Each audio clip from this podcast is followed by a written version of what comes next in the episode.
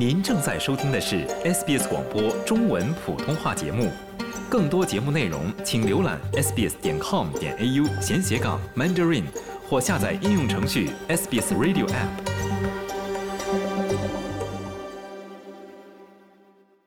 虽然美国总统大选要到十一月才举行，但共和党和民主党候选人的遴选程序已于本月正式启动。一些选举分析人士表示，拜登和特朗普再次角逐总统宝座的可能性很大。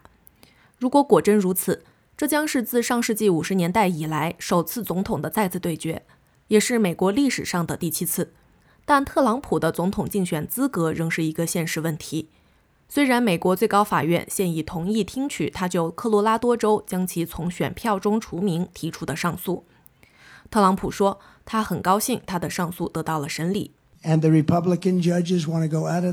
虽然共和党法官希望不遗余力地做到公平公正，甚至不惜伤害到你，我很努力地争取到了三个非常优秀的人，他们都很优秀、很聪明。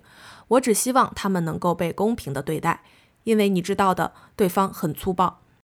科罗拉多州最高法院于十二月十九日裁定，特朗普必须退出二零二四年的选举，因为他试图推翻二零二零年大选失利的结果，并煽动了一月六日在美国国会大厦发生的骚乱。在三月五日科罗拉多州共和党初选之前，特朗普对该裁决的上诉正在快速进行中。但随着一月十五日的党团会议，爱荷华州将成为第一个在二零二四年大选中投票给总统候选人的州。在投票开始前的几天，特朗普曾在爱荷华州西北部的苏森特向数百名支持者发表了讲话。他向支持者们讲述了他认为竞选中什么才是最重要的。你可以把我们国家历史上最糟糕的十位总统加起来，把他们算在一起，把他们做的事加在一起，但这都没有拜登给这个国家造成的破坏大。拜登对这个国家的破坏是无法想象的。这次的选举是你们拯救美国的最后的机会。这场战斗将于一月十五日在爱荷华州打响，拜登的香蕉共和国将于二零二四年十一月五日结束。与此同时，拜登在宾夕法尼亚州弗吉谷附近发表了他2024年的首次竞选演讲。约250年前，乔治·华盛顿和大陆军在独立战争期间曾在福治谷度过了一个冬天。现任总统拜登在演讲中提到了包括独立战争在内的美国历史上的至暗时刻，以纪念美国国会大厦袭击事件三周年。对拜登来说，这次选举将决定美国民主的命运。他说。特朗普已经将美国民主置于威胁之下。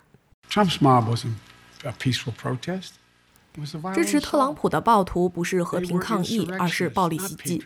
他们是叛乱分子，不是爱国者。他们不是来维护宪法的，他们是来摧毁宪法的。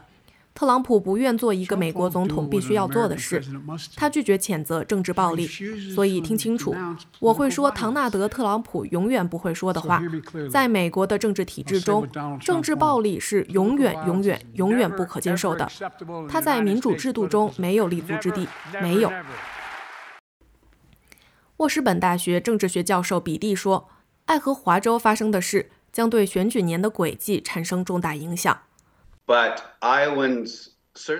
爱荷华人当然非常非常重视选举，而且总会有惊喜的可能。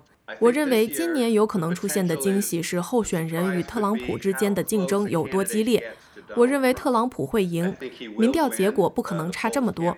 但最大的问题是谁会屈居第二，以及他们屈居第二后的表现如何。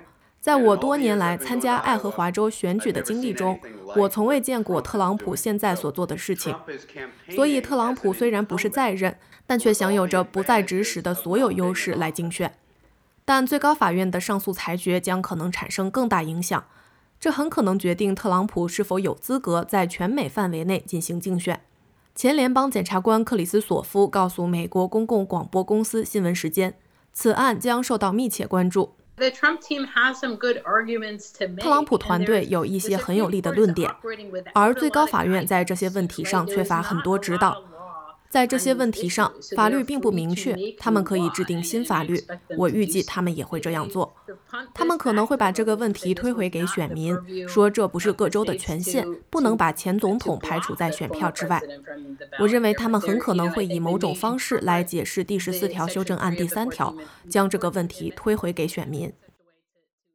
但最高法院一案并不是特朗普面临的唯一的法律麻烦。此外，特朗普在华盛顿特区和乔治亚州因试图推翻2020年大选失利而受到起诉，在佛罗里达州因离职后处理机密文件不当而受到起诉，在纽约州因2016年大选前向一名色情明星支付封口费而受到起诉。